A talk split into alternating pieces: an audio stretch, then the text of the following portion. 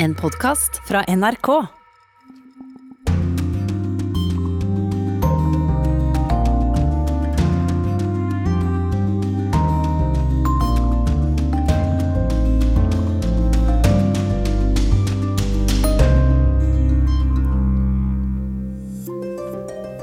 Krigen i Ukraina har vart i en måned. Men i Russland er det forbudt å kalle det krig i det hele tatt. Russiske journalister risikerer 15 år i fengsel for å spre falske nyheter. Eller de rømmer utenlands for å kunne jobbe. Ukraina er infisert av nazister, og nå skal de utryddes, heter det i Putins propaganda. Hva er egentlig Azov-bataljonen, der både høyreekstremister og nynazister påstås å slåss? Og hvis du fyller ei glassflaske med bensin, stapper ei tøyfille i tuten og tenner på, hva slags historisk tradisjon hiver du deg inn i da? Vi skal fortelle Molotov-cocktailens historie. Men vi skal også på norsk vorspiel i Hollywood før Oscar-utdelinga. Og vi skal ta farvel med et språk verden aldri kommer til å høre noen snakke igjen. Det er lørdag, det er Urix, og jeg heter Tore Moland. 15 år i fengsel, det er hva journalister i Russland nå risikerer hvis de sprer det myndighetene kaller falske nyheter om krigen i Ukraina. Ei uke etter at krigen starta, ble denne bestemmelsen tatt inn i den russiske medieloven, og nå denne uka ble den første etterforskningen starta mot en russisk journalist som er anklaga for å ha spredd falske nyheter. Aleksander Nevzorov heter journalisten. Jan Espen Kruse i Moskva, hva er det han beskyldes for å ha gjort? Ja, Han beskyldes eh, for å ha, ha påstått at et, eh, et, angrep i eh, denne byen Mariupol i sør At et angrep på et sykehus der var, var reelt. At det ble gjennomført av russiske styrker på et, en fødeklinikk, bl.a. Mens den russiske versjonen den går ut på at dette var en bygning som var forlatt. Eh, og at det ikke var noe helsepersonell og ingen pasienter og ingenting som foregikk der. Eh, men at eh, nasjonalistiske eller nynazistiske grupper brukte dette sykehuset å, som et sted for å, for å, hvor de hadde base. Og altså at det, det, derfor fra russisk side mener de var et legitimt militært mål. Det sier Nevzorov at det er ikke sant. Han holder fast på, på sin eh, versjon, og det er den han anklages for nå. Her hører vi Aleksandr Nevzorov i fri dressur på YouTube. Han sier lederne i Kreml lever i en hallusinasjon, der forsvarsministeren er et militærgeni, spesialoperasjonene seirer, og president Putin redder verden fra nazismen. Hvem er denne karen som fortsetter å tale makta i Moskva midt imot Jan Espen? Ja, Han eh, er jo virkelig en gammel ringrev av en journalist. Jeg husker han eh, fra 1990-tallet, da jeg var her i min eh, første periode. Så, så han er en veldig kjent journalist han har ikke vært andre steder enn på denne YouTube-kanalen sin i de senere, den senere tid. Ehm, og der eh, kliner han virkelig hardt til. Altså, man kan jo nesten si det er, det er, underlig at han har fått holde på så lenge som han gjør. Jeg så eh, nettopp på den episoden der han kommer med, disse, med denne uttalelsen om dette sykehuset i Mariupol. Eh, men han har jo altså, en rekke påstander som han kaller hele den russiske ledelsen for psykiatriske tilfeller. Han, han eh, raljerer med, med, med, hva ledelsen i Russland står for. Så, så ut ifra den praksis som man fører i landet nå, så, så var det nesten å vente at han kom til å bli stanset på et eller annet vis. Men du er jo også korrespondent i Moskva, Jan Espen. Denne nye og strengere medieloven, den gjelder deg også. Må du være forsiktig med hva du sier? Ja, altså, eh, Der er jo problemet at vi vet ikke hva eh, denne loven hvordan den skal forstås. Vi har ikke fått noen retningslinjer fra eh, russiske myndigheter. Altså, eh, Det er jo et voldsomt sprang fra bøter og opp til 15 år i fengsel. Eh, så, og, og, Vi aner ikke f.eks. Eh, russiske myndigheter sier at det er ikke lov å bruke ordet krig om det som skjer i Ukraina. Eh, man skal bruke uttrykket en spesiell militær operasjon. Eh, og, og, Hvis man kaller det en krig, da, hva risikerer man da? Eh, ingenting av dette har det kommet noen noe klare signaler om. Eh, sånn at Usikkerheten, den, det er vel det som er det mest framtredende akkurat nå. Gro Holm, du blir vår neste Moskva-korrespondent fra høsten. Hvor langt er du villig til å strekke deg for å få lov å fortsette å rapportere fra, fra Moskva og fra Russland når du tiltrer som korrespondent? Ja, jeg tror det går i hvert fall en grense på det med å skulle kalle det en, eh, det som skjer i Ukraina for en spesiell militær operasjon. Altså det er en krig, og det tror jeg nok at det vil jeg forbeholde meg retten til å kalle det. Og så er det, eh, så er det selvfølgelig prøve å være veldig saklig og unngå spissformuleringer. Unngå moralisering, mer gjengi det som faktisk eh, skjer. Men, men det er jo ikke, noe, det er jo ikke sånn at vi underslår fakta på noen måte for å får fortsette å være der. Russerne har jo nesten litt galgenhumor på dette også. Jeg så den gamle romanklassikeren 'Krig og fred' av Tolstoy omtalt som eh, spesialoperasjon og fred i, i, disse dager, nettopp fordi det er forbudt å si krig. Ja, og det er jo altså det, det er en veldig morsom altså Russerne er jo veldig flinke til å ironisere. Eh, men jeg er jo litt usikker, jeg er jo ikke der nå, jeg er litt usikker på hvor mye de tør å gjøre. Men jeg ser Novaja Gazeta til eh, Nobels fredsprisvinner Dmitrij Moratov. Han, eh, den, den, lar være å bruke ordet krig, men den bruker heller ikke spesiell eh, militær operasjon. Så isteden så står det bare parentes prikk, prikk, prikk, der hvor det skulle, skulle stått krig. Så det er jo en, en, en politisk kommentar så det holder det, som ingen misforstår.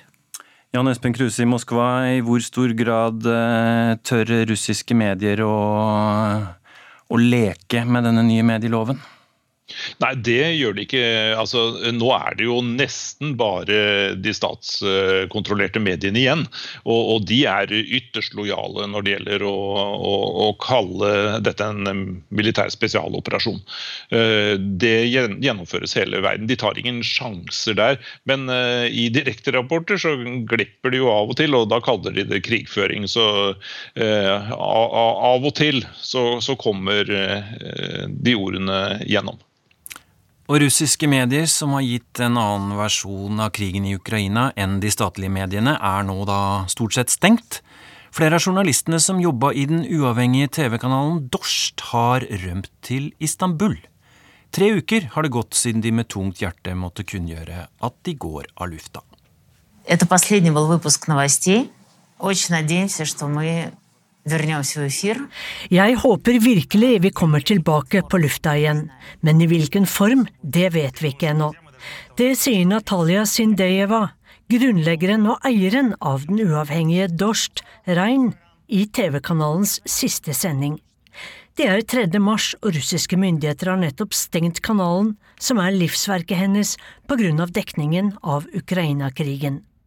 Hun lover seerne at redaksjonen skal fortsette arbeidet, men nå må de stoppe midlertidig. Jeg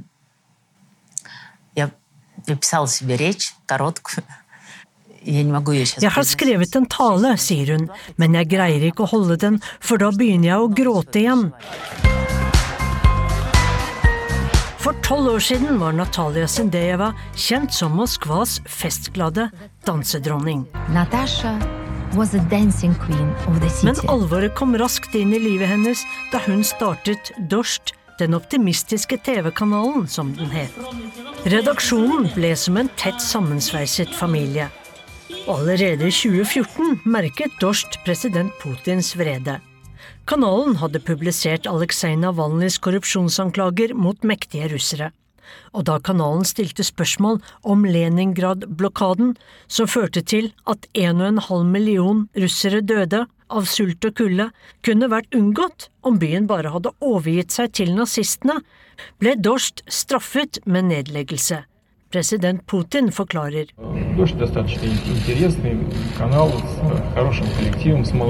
Dorst er en interessant kanal med unge mennesker. Men dere har trådt feil, og dere har fornærmet mange av innbyggerne våre, sa Putin da kanalen ble tatt av lufta. Siden da har Dorst overlevd under press, og sett opposisjonelle som Boris Nemtsov bli skutt på åpen gate i 2015. Sendejeva og hennes medarbeidere følte seg også utrygge utendørs. Syv år senere kommer president Putins angrep på Ukraina. Noen få kanaler forsøker å bryte gjennom Kremls propagandamur. Men den nye medieloven skal stanse all fri informasjon. Også radiostasjonen Moskvas Ekko ble stengt. Jeg ble satt 30 år tilbake i tid, for sist vi ble stengt var under kuppet i 1991, sier Sergej Bontmann, programleder i Ekko Moskvi, Moskvas Ekko.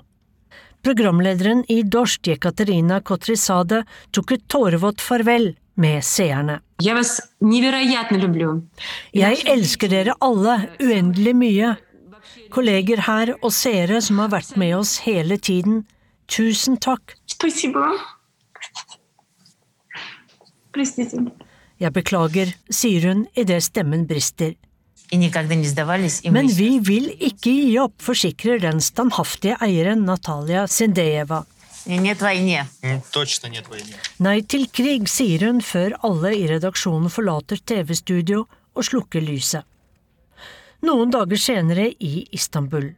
Siden Tyrkia ikke har stanset flyvningene til og fra Russland, har mange russiske journalister funnet veien hit.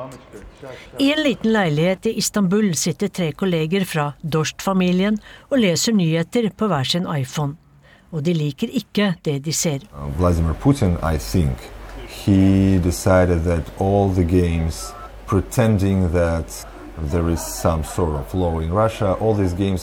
tror Vladimir Putin har bestemt seg for at spillet, der man later som om det er en slags lov i Russland, er over. Like world, dette er en helt ny verden nå som jeg slett ikke liker. Men dette er virkeligheten vi står overfor, sier redaksjonssjef i Dorst, Tichon Disyatko, til den fransk-tyske TV-kanalen Arte. Som mange eksiljournalister er det kanskje bedre å jobbe fra Tyrkia nå, sier han.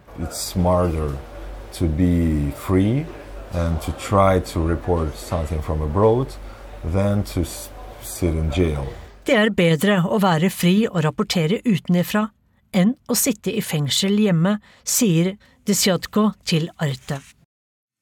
Reporter her var Sissel Wold, og vi hørte også klipp fra dokumentarfilmen Tango med Putin om Dorst, som kan ses i NRK TV. Jan Espen Kruse i Moskva, hva er igjen av uavhengige russiske medier nå, egentlig? Nei, det er jo, eh, det jo eh, Novaja Gazeta, da. Eh, ellers er det noen små nettutgaver igjen. Men av de store så er det bare den, til, avisa til Muratov. Alt annet av de store mediene har blitt stanset. Sånn at tilstrammingen som har vært de siste to-tre årene har jo vært helt kolossal. Eh, medielandskapet er jo ikke til å kjenne igjen. Eh, før kom det ut informasjon. Nå, nå, tetter man jo igjen alle muligheter også på internett. Eh, sånn at det blir stadig vanskeligere for russerne å få tilgang til, eh, til informasjon utenifra, utenfra Russland selv. Så eh, forvandlingen som har vært eh, den siste tiden, er jo, er jo helt utrolig. Ja, Facebook, Instagram og Twitter er alt sammen blokkert i Russland nå, så vidt jeg forstår. Og YouTube anklages også for terrorvirksomhet? Ja da, det kommer på rekke og rad her. Ehm, og, og, Tidligere så kunne jo eh, mange unge russere eh, Det gjør det jo til dels fortsatt, å gå via eh, VPN-løsninger. Altså at de kunne logge seg på andre servere for å komme rundt disse forbudene. Men det prøver russiske myndigheter også å bekjempe nå, ved, ved å blokkere disse. Sånn at mulighetene blir virkelig mindre og mindre. Og så har Russland sin egen meldingstjeneste Telegram. Eh, forklar oss hva det er, Gro. Ja, det er jo en sånn slags messenger-tjeneste, eh, hvor du kan eh, ja, legge, skrive meldinger, legge inn små videosnutter osv. Den er kryptert, så den skal da være ganske sikker. Helt sikker er den vel kanskje ikke, det, men, men, det er noe som både ukrainere og russer, russere bruker veldig flittig. Eh, og, og, som jeg tror folk liksom anser som ganske sikkert til nå. Det er eh, en, en, viktig kanal. Det er en viktig måte for uh, folk å, å, å, kommunisere på. Men det pågår en diskusjon virkelig hvor sikker den er. Og det er snakk om at kanskje kommer den til å bli åpnet, sånn at russiske myndigheter kan gå inn og kontrollere hvem som sier hva der også.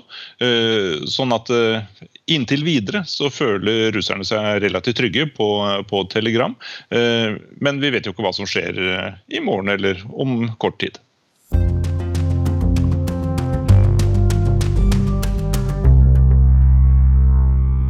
Треба говорити.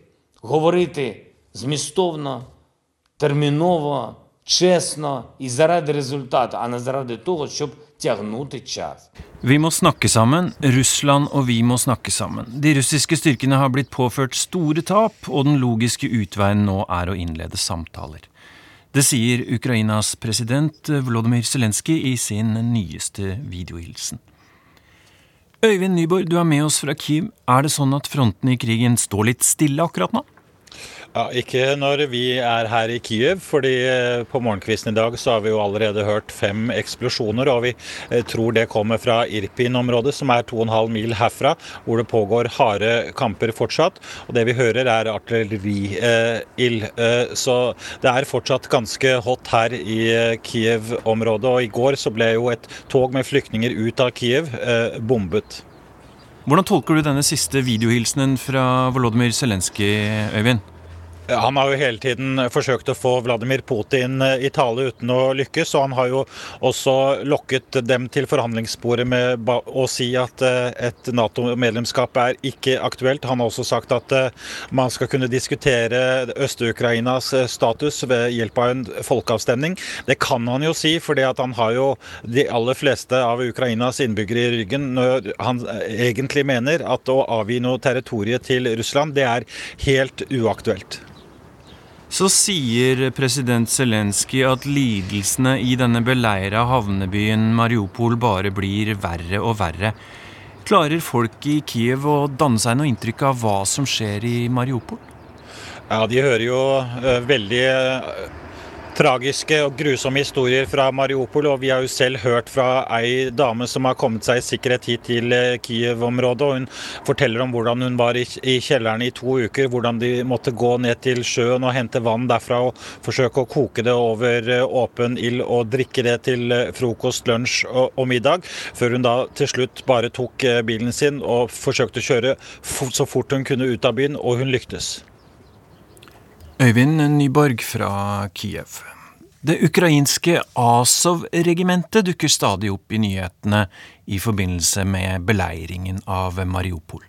Azov har opprinnelse som ei høyreekstrem og nasjonalistisk gruppe, og Vladimir Putin har begrunna krigen i Ukraina med at landet nå må avnossifiseres. Men hvor nazistiske er egentlig soldatene som nå skal beskytte folk i Mariupol? Det har kollega Sofia Paskiewicz forsøkt å finne ut av. Kjære muslimske brødre, i vårt land kommer du ikke til himmelen. Her vil du møte motstand, sier en maskert Azov-kriger og smører inn kula i grisefett. Kulaen er meint for muslimske tsjetsjenske soldater som kjemper på russisk side. De siste ukene har Azov-krigere dukka opp i verdens nyhetssendinger fordi de spiller en viktig rolle i kampen om Mariupol, en ukrainsk by ved Azov-havet. Det som i dag heter Azov-regimentet og er del av det ukrainske heimevernet, starta som en frivillig bataljon som kjempa mot russere etter annekteringa av Krim i 2014 forteller Katsper Rinkavek ved Senter for ekstremismeforskning i Oslo. De frigjorde Mariupol i 2014. Byen var en stund under kontroll av det vi i dag feilaktig kaller russiske separatister. De var russere.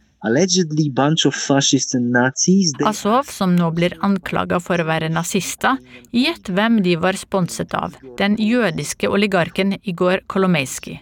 Så dette er en gruppe som eksisterer med den ukrainske statens velsignelse og med støtte av en jøde. Dette er ikke en nazi-dødsskvadron, dette er en nedenfra og opp-bevegelse. I den ekstraordinære tida Ukraina har vært i de siste åtte årene, har denne bevegelsen fått lov til å eksistere og etter hvert blitt del av det ukrainske territorialforsvaret. Sjøl om de i dag er regulære soldater, så er det en kjensgjerning at de ble dannet av en gruppe nynazister og høyreekstreme i Kharkiv, forteller forfatter Jon Færseth, som har møtt Azov-krigere flere ganger. Ukrainske patrioter var en eh, ultranasjonalistisk og høyreekstrem og rasistisk gruppering. Det er det ingen tvil om. Mange av de som, altså i hvert fall særlig ledelsen, de har nok fortsatt denne ideologien her. Etter at Azov-regimentet ble en del av Ukrainas heimevern, gikk bevegelsens grunnlegger Andrij Bieletskij inn i politikken, og starta det høyreekstreme partiet Nasjonalt korps. Og Nasjonalt korps har eh, aldri kommet inn i parlamentet. De klarte å få valgt inn et par eh, medlemmer som uavhengige kandidater i 2016, men de røk ut igjen ved neste valg. All Ukrainians are super normal, calm people. Ukrainere flest er normale folk, forteller journalist Natalia Kushner på telefon fra Kiev. Da Putin i februar invaderte Ukraina, brukte han denazifisering av landet som en unnskyldning. Dette er også en historie som stadig gjentas i russiske medier. Vi har mange jøder i Ukraina. Vi har mange studenter fra Afrika, Asia og Latin-Amerika. Klart vi har problemer med diskriminering som alle andre land, men vi er ikke nazister. Hvis du bruker Azov som en unnskyldning for å ødelegge et helt land, så er det Because, uh, Natalia mener at denne gruppa var lite kjent i resten av Ukraina, men at det nå har endra seg. In, det viktigste Azov gjør, er å beskytte folk i Mariupol. De beskytter liv. Den årlige nazimusikkfestivalen Askersraj i Kiev har tiltrukket seg høyreekstreme fra hele verden. Azov har også vært nevnt i den norske etterretningstjenestens sikkerhetsvurdering, som en arena hvor høyreekstreme i Europa kan knytte bånd. Færseth mener at de fleste utlendingene som har vært i Ukraina og møtt Azov-krigere, er naziturister og ikke potensielle krigere. Det betyr at de eh, kommer dit, de er med på en eh, konferanse eller de er med på en konsert. Besøker dem, de får uh, drikke øl med noen ASO-medlemmer kanskje. Ta noen selfies med dem. Kjøpe seg en T-skjorte som suvenir. Så kan de dra hjem og si at hei, se på meg, jeg har vært og besøkt Azov. All oppmerksomhet som nå vies Azov i mediene er akkurat det som ønskes av Vladimir Putin, sier Katsperin Kavek som mener at langt flere høyreekstreme i Vesten støtter den russiske kampen. Jeg er ikke en fan, ikke deres venn, men de får altfor mye oppmerksomhet. Og jeg vet at Moskva elsker det når vi sier Azov, nazi og Ukraina i samme setning.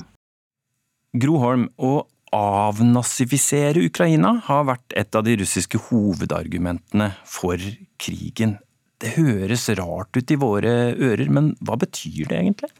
Ja, altså det, er jo, altså det er jo I alle nyhetssendinger, omtrent, på TV, så nevnes jo det med avnazifisering som en hovedsaken. og Det er på en måte, det er et forsøk på å si at dette er egentlig en fortsettelse av krigen mot tyskerne. Det er en fortsettelseskrig. Vi har ikke fullført det, vi må fullføre.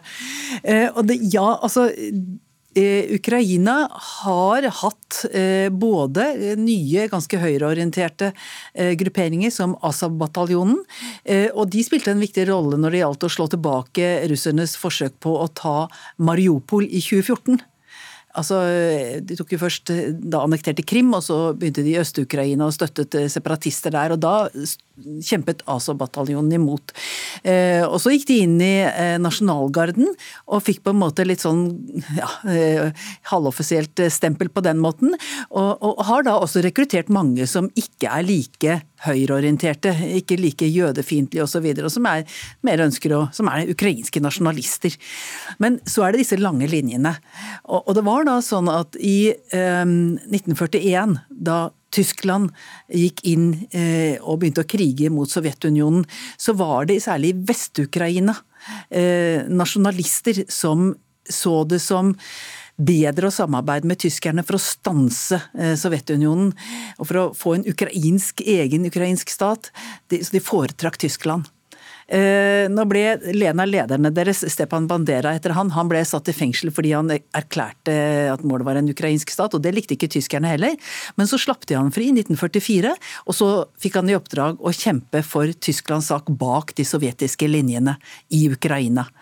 Så, eh, og mens han satt i fengsel, så, så denne, disse ukrainske nasjonalistene da, de sto bak drapet på, på tusener på tusener av ukrainske jøder og på polakker.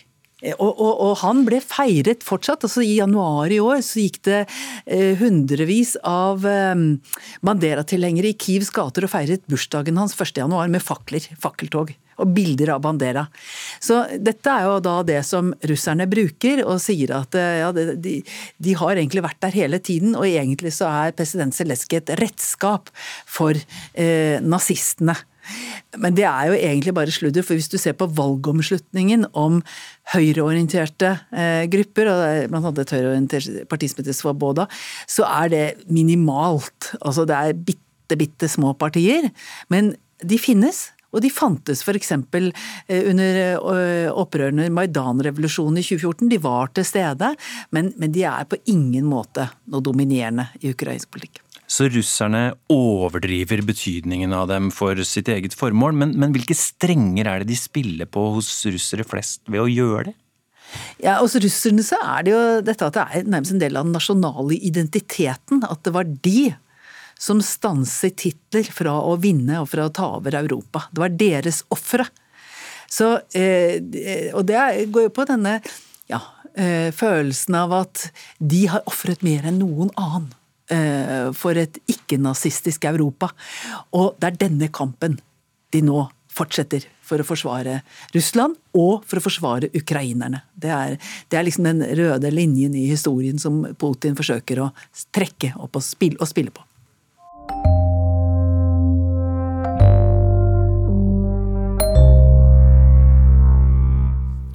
De store hjelpeorganisasjonene innrømmer at de ble tatt på senga av den store flyktningstrømmen fra Ukraina og inn i Polen. FNs høykommissær for flyktninger og flere andre store er så vidt i gang med hjelpearbeidet nå. På grensa til Ukraina er situasjonen kaotisk. Norske hjelpearbeidere forteller til NRK at eh, organiseringen av hjelpa er for dårlig.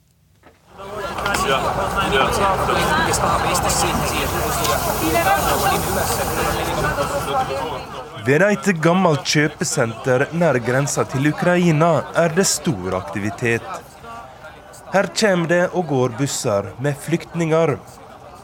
Ute på parkeringsplassen er det satt opp boder der frivillige serverer mat, og det er stilt ut brukte klær som folk har donert.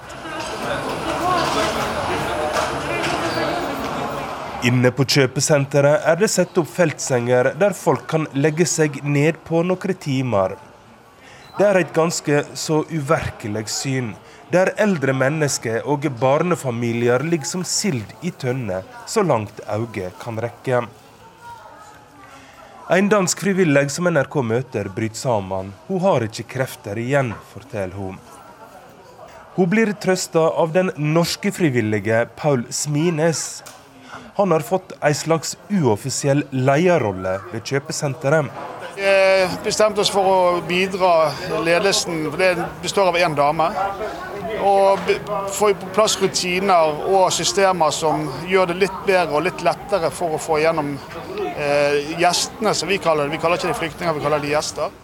En annen nordmann, Jens Christensen, har tatt på seg jobben med å lage et IT-system Mellom annet var det viktig å kunne registrere alle ankomne elektronisk, og gi dem et armbånd, slik at en lett kunne kontrollere alle som beveger seg inne på området. Der borte hvor vi registrerer eh, flyktningene, årsaken til at internett er borte, er at jeg har en sånn, sånn ruter som jeg bruker når jeg reiser. Og det var ikke strøm der borte, og det brukte de tre-fire dager på. Da gikk jeg og så kjøpte jeg et sånn snelle med strøm. Så strakk jeg den bare bortover der, og så hadde vi strøm. Altså Det er papper og hyssing. Det er helt på trynet. Paul Smines forteller han frykter at unge kvinner kan bli utnytta i kaoset. Hver dag må han jage vekk mistenkelige personer som tilbyr skyss. Vi har folk som lokker jenter inn i biler, eh, helst unge jenter, før, eh, før vi får registrert dem. Der de står og, og lover de å komme til luksushus i Tyskland eller Frankrike. Og disse unge, naive jentene de går gjerne på sånne ting. Og hvor de ender opp i verden, det vet ikke vi. Vi har liksom ikke noe system på å fange det opp. Hvor far er det for overgrep her inne, f.eks.? Vi eh, prøver, vi har hatt ett tilfelle av en som var eh, litt i, i nærkontakt med jenter ute på toaletten. Det har vi grepet fatt i. Det viste seg at han var eh, psykisk syk fra, fra utgangspunktet. Så, så vi, prøvd, vi, prøver å stoppe det. Vi, vår jobb er å gjøre dette miljøet så trygt som mulig for barn og voksne. Eh, den tiden vi har de her hos oss. Bistandsarbeidere NRK har snakka med, sier at mye av hjelpeinnsatsen på grensa har vært gjort av privatpersoner. På en tidvis litt tilfeldig og uformell måte.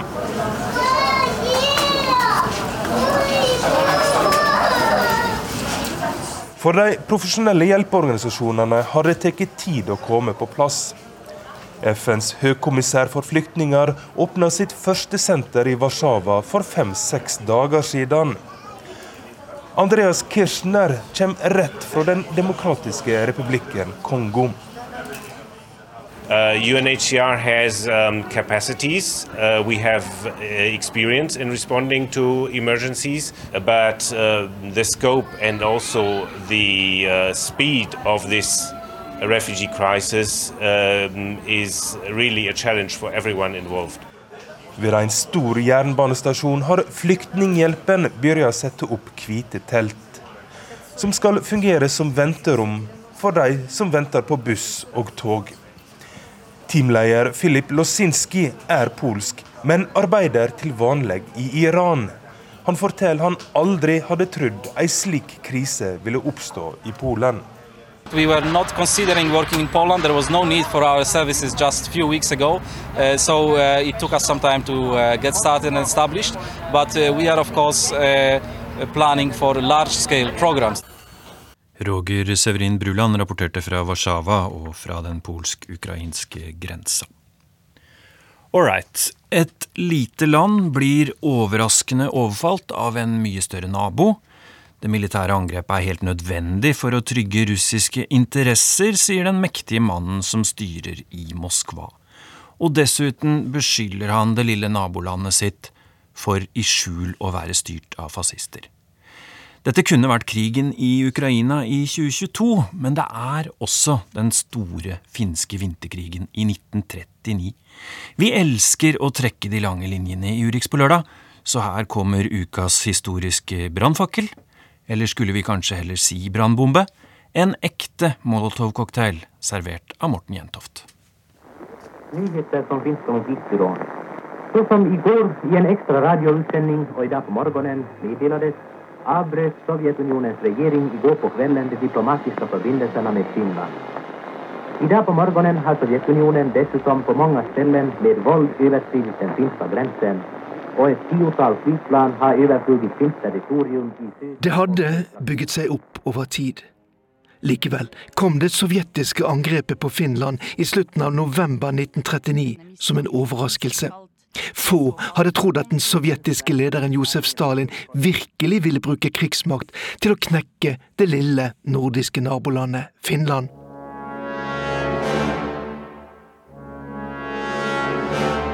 Men den finske motstandsviljen var fra starten sterk. De hadde forberedt seg på at noe kunne komme til å skje, på samme måte som ukrainerne hadde gjort det før det russiske angrepet 24. februar i år.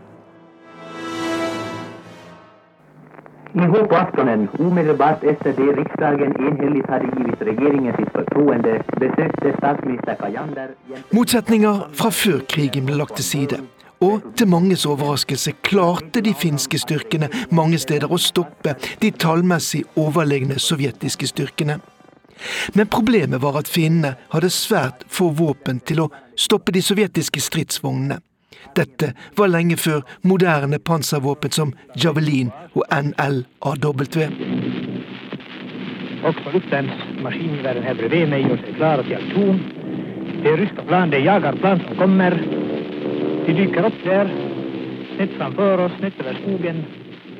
Den finske radioreporteren Enzio Sevon var på det karelske neset under et av de sovjetiske angrepene, og kunne fortelle hvordan finnene som best de kunne, prøvde å forsvare seg mot en fiende som var helt overlegen når det gjaldt fly og stridsvogner. De kommer nærmere.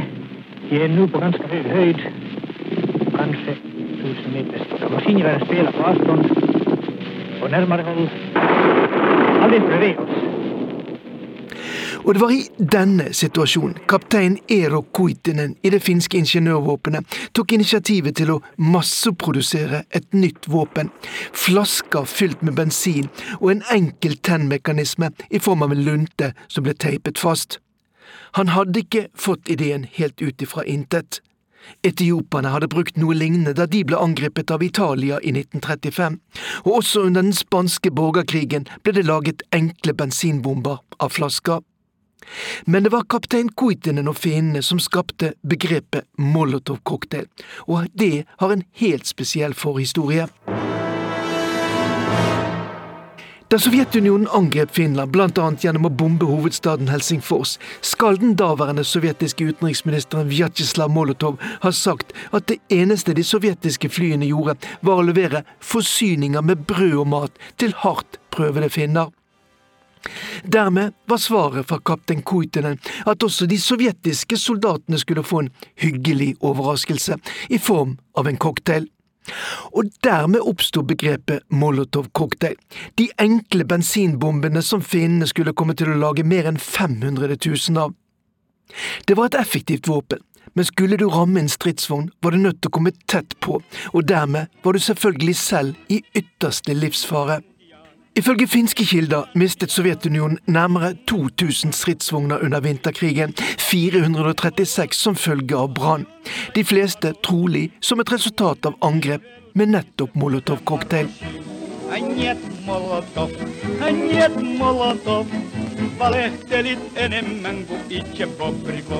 Nei, Molotov heter det i denne finske sangen, som ble skrevet etter vinterkrigen, og som ironiserer over utenriksminister Molotov og sovjetledernes planer om et raskt og seierrikt felttog mot finnene.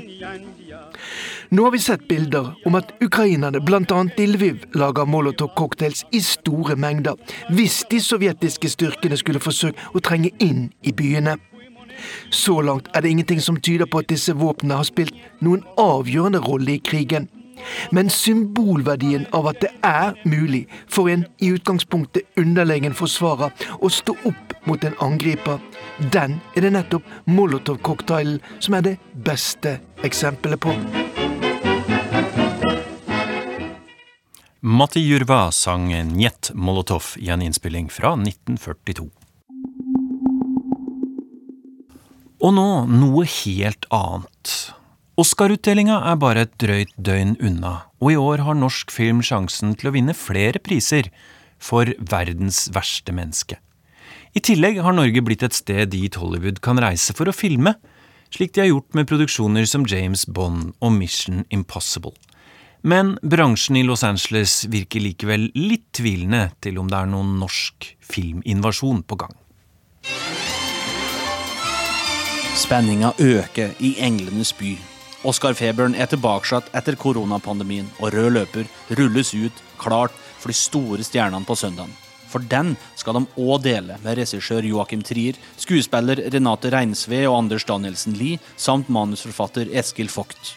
Verdens verste menneske er den første norske filmen som har fått to Oscar-nominasjoner. Det er kjempefantastisk. Jeg skjønner ikke at det er sant. Men... I tillegg fikk vår kanskje aller største stjerne i Norge, Liv Ullmann, æres-Oscar-statuetten for en livslang karriere i Hollywood i går.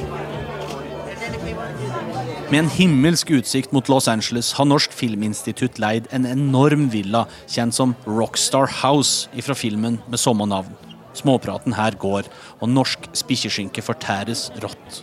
For Norge, med minst én Oscar-statuett i lomma, har kommet på kartet på nytt i Hollywood. Jeg møter Megan Beaton på en lunsj litt lenger ned i byen. Praten over bordet handler mye om hvor flott det er i Norge, og hvor mange produksjoner som ønsker å filme der.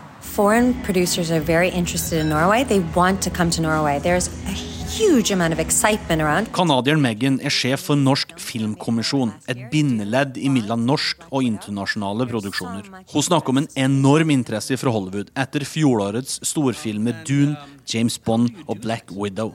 Alle brukte scener ifra Norge, og spesielt bildet av Scarlett Johansen utenfor Joker-butikken i Sæbø på Sunnmøre huskes godt, og av oss nordmenn. You talk to productions, you convince them that Norway is the place to come. They often will come to many different countries. Det foregår ganske enkelt. Produsenter sender sine folk ut for å finne plasser som vil passe inn i filmens historie.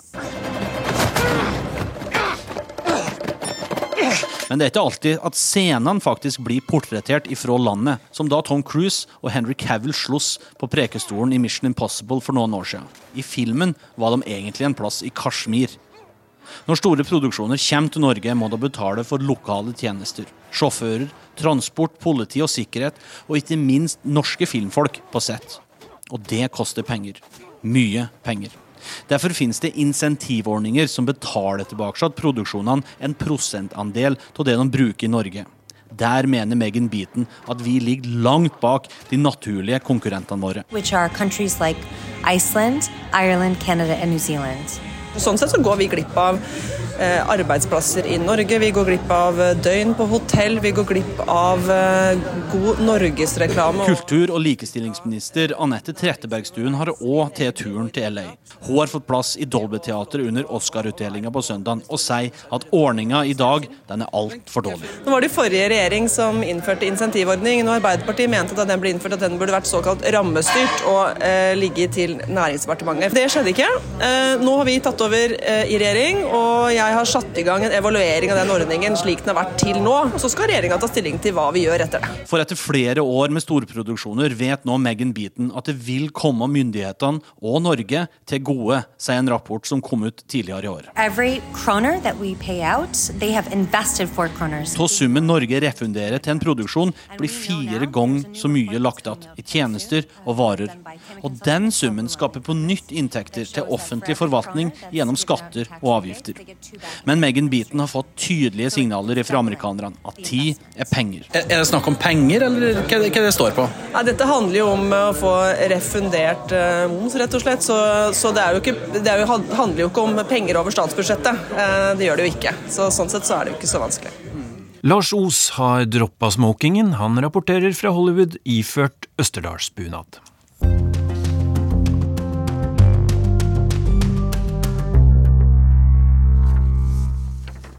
Kan en av verdens mest langvarige konflikter snart være over? Og kommer de stridende partene i så fall til å bli glad for det?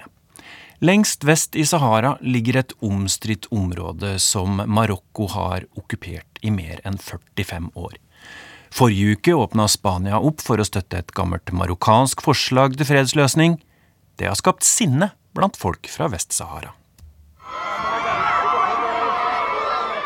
Midt inne i ørkenen i Algerie litt tidligere i vinter rulla ei bilkolonne forbi folkemengda som jubla. Det var FNs spesialutsending som kom på besøk til flyktningleiren Tindouf.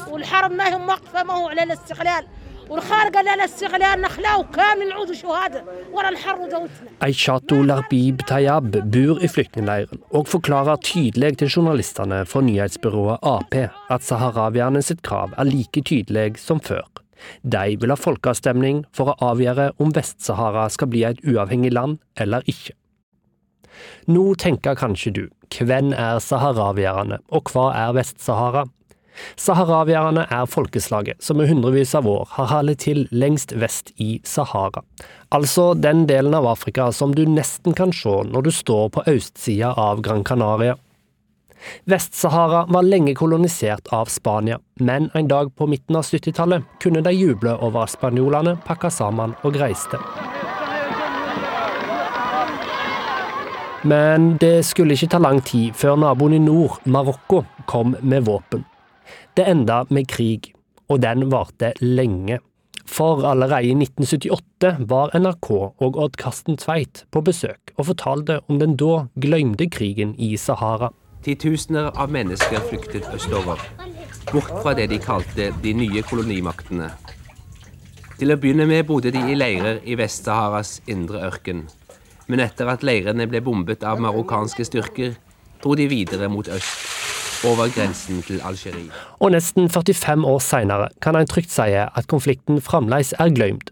Og marokkanerne, de reiste aldri. De har okkupert Vest-Sahara og tjent gode penger på både fosfor og fiske. Det har også gitt dem en del uvenner opp gjennom tida, slik som nabolandet Algerie og Spania. Men denne veka så skjedde det noe som kan endre alt con intereses efectivamente beneficiosos para, para ambas partes. Spanias statsminister Pedro Sánchez sier at de har blitt enige med Marokko om å støtte et forslag der Vest-Sahara kan bli en autonom del av Marokko, med ei egen regjering, men hvor Marokko fremdeles vil kontrollere slikt som forsvars- og utenrikspolitikk. Jeg er sint eh, fordi Spania går mot folkerett. Det sier Asria Mohammed om hva hun tenkte da hun hørte at Spania har gått med på en slik løsning. Hun er selv saharawi, men bor i Norge der hun jobber for støttekomiteen for Vest-Sahara.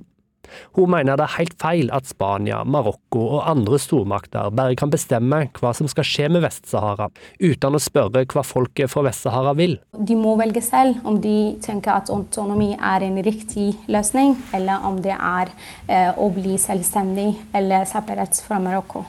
Asria Mohammed mener Spania har blitt med på avtalen fordi de har blitt stadig mer avhengige av Marokko, mellom annet i arbeidet med å stanse migrasjon fra Afrika.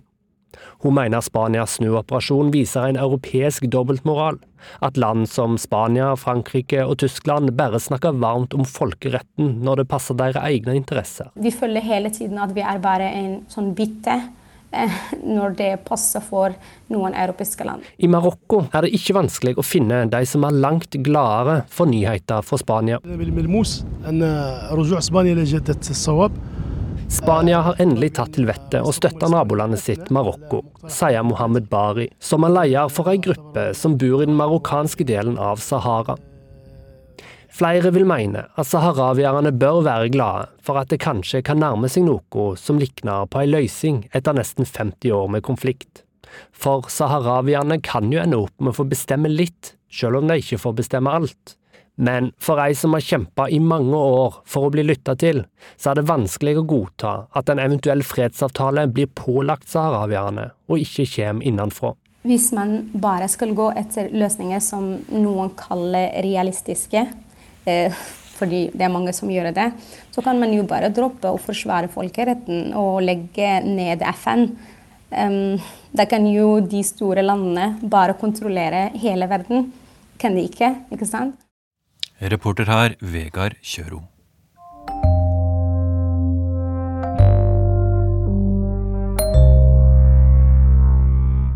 Tida er kommet for å åpne ukas korrespondentbrev, og det er sendt helt fra Ildlandet, som ligger helt ytterst på sydspissen av Latin-Amerika. Avsenderen heter Arnt Stefansen, og brevet er skrevet på norsk, men det handler om et annet språk, et språk som ikke fins lenger. For noen uker siden døde et språk her i Latin-Amerika.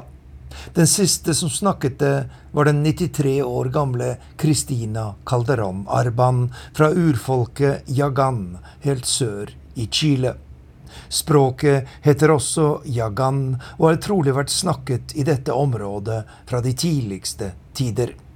Ekspertene tror at yagan-folket kan være etterkommere av de aller første mennesker som innvandret hit til øyene på ildlandet. Og de fastslår at det er verdens sørligste folkeslag. Kristina Calderón Arban, eller Bestemor Kristina som hun ble kalt, viet sitt liv til å bevare jaganfolkets språk og kultur, og hun fikk UNESCO-utmerkelsen Levende nasjonalskatt for dette arbeidet. Da hun døde, la Chiles nye president Gabriel Boric ut en twittermelding med følgende tekst. I en alder av 93 år er Christina Calderón, en trofast representant for Jagan-folket, gått bort. Men hennes milde vesen, hennes lærdommer og hennes kamp fra sør i verden, der alt starter, vil alltid være levende og nærværende, skriver presidenten. Bestemor Kristina var altså den siste aktive bruker av Jagan, et av knapt 600 urfolksspråk som fortsatt finnes her i Latin-Amerika. Ekspertene anslår at det ble brukt minst 1800 språk i området da kolonimaktene kom hit på 1500-tallet. Men folkemordet på Amerikas urfolk førte til at tallet sank raskt, og har fortsatt å synke frem til i dag. Et av de viktigste urfolkene i regionen var inkaene, som hadde skapt et mektig rike med sentrum i dagens Peru. Riket gikk under etter at den spanske conquistadoren Pizarro og hans soldater tok inkakongen Atahualpa til fange og drepte ham. Nobelprisvinneren Pablo Neruda beskriver den historiske hendelsen i sitt hovedverk Canto General, den store sangen. Ti tusen peruanere faller under kors og sverd. Blodet gjennomtrenger Atahualpas klær. Og det er presten Valverde som dreper kongen etter å ha gitt ham et spansk og kristent navn. Neruda skriver da kom Valverde inn med døden. Du skal hete Juan, sa han til ham mens de gjorde bålet klart. Alvorlig svarte kongen, Juan, Juan heter jeg når jeg skal dø, uten engang å forstå døden lenger. De bandt halsen hans, og en jernkrok trengte inn i Perus sjel. Men selv om inkaenes rike gikk under, så lever deres språk, quechua, i beste velgående. Språket har i dag nærmere ti millioner brukere, hovedsakelig i Peru, og det er Latin-Amerikas største urfolksspråk. Et annet stort språk er guarani, som snakkes i flere land, bl.a. her i Brasil. En av stammene som bruker språket, holder til i landsbyen Mata Verge Bonita, den vakre, grønne skogen noen mil fra Rio de Janeiro. Jeg besøkte Mata Verge Bonita for en tid tilbake og møtte Jorema de Oliveira, høvding for de rundt 70 beboerne. Jorema underviser i guarani for barna i landsbyen, og hun er levende opptatt av språket sitt. Det er et rikt språk, med en humor som ikke kan oversettes. Mange naturfenomener har kun navn på guarani. Den hvite mann vet ikke hva slike fenomener er, sier hun med et stolt smil. Å bevare språket er helt nødvendig for å bevare vår kultur og vår identitet som urfolk, og jeg er overbevist om at vi skal klare det, sier hun med fast stemme. Høvding Jorema mener det er et godt tegn at det nå er en del hvite som kontakter henne for å lære urfolkets språk. Dette synes jeg er respektfullt, rørende og fint, og jeg anbefaler det for alle. Å lære litt av språket er den beste måten å forstå en annen kultur på, sier Jorema de Oliveira i landsbyen Mata Verge Bonita. Men selv om det er enkelte lyspunkt, så er tendensen klar. Stadig flere urfolksspråk dør ut. Rundt 25% av de nær 600 språkene i Latin-Amerika står i fare for å forsvinne viser en rapport fra Verdensbanken om sosial utvikling og kultur blant urfolkene. 42 millioner mennesker snakker i dag et urfolksspråk i denne delen av verden. Jeg møter professor José Bessa her i Rio de Janeiro. Han er en av Sør-Amerikas fremste eksperter på urfolk og deres språk og kulturer. Å miste et urfolksspråk er en tragedie, ikke bare for dette folket eller for landet, men for hele menneskeheten, sier han. Fordi et slikt språk bevarer en enestående kunnskap som er ervervet gjennom hundrevis av år, om naturen, om livet i urskogen, om mennesket og om forholdet mellom mennesker. Det er kunnskap som gjør verden klokere, og når språket dør, blir denne kunnskapen borte, sier professoren. Og han mener det nytter å kjempe for urfolkenes språk. FN erklærte for et par år siden et internasjonalt år for urfolksspråk, og 50 land ble enige om et program for perioden 2022 til 2032, der det skal settes inn ekstra ressurser for å bevare disse språkene, forteller urfolkseksperten professor José Bessa. Men for det eldgamle språket jagan helt sør i Chile er det altså for sent. Den siste jeg kunne snakke jagan med, var min søster, men nå er hun død, fortalte Christina Calderon Arban i et intervju for et par år siden. Nå er hun også selv gått bort, 93-åringen som tok et helt språk med seg i graven.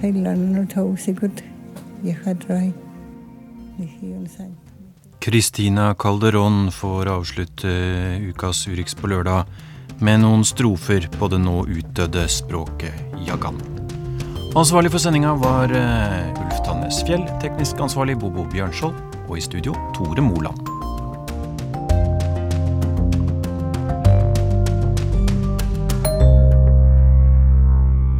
Du har hørt en podkast fra NRK. Hør flere podkaster og din NRK-kanal i appen NRK Radio.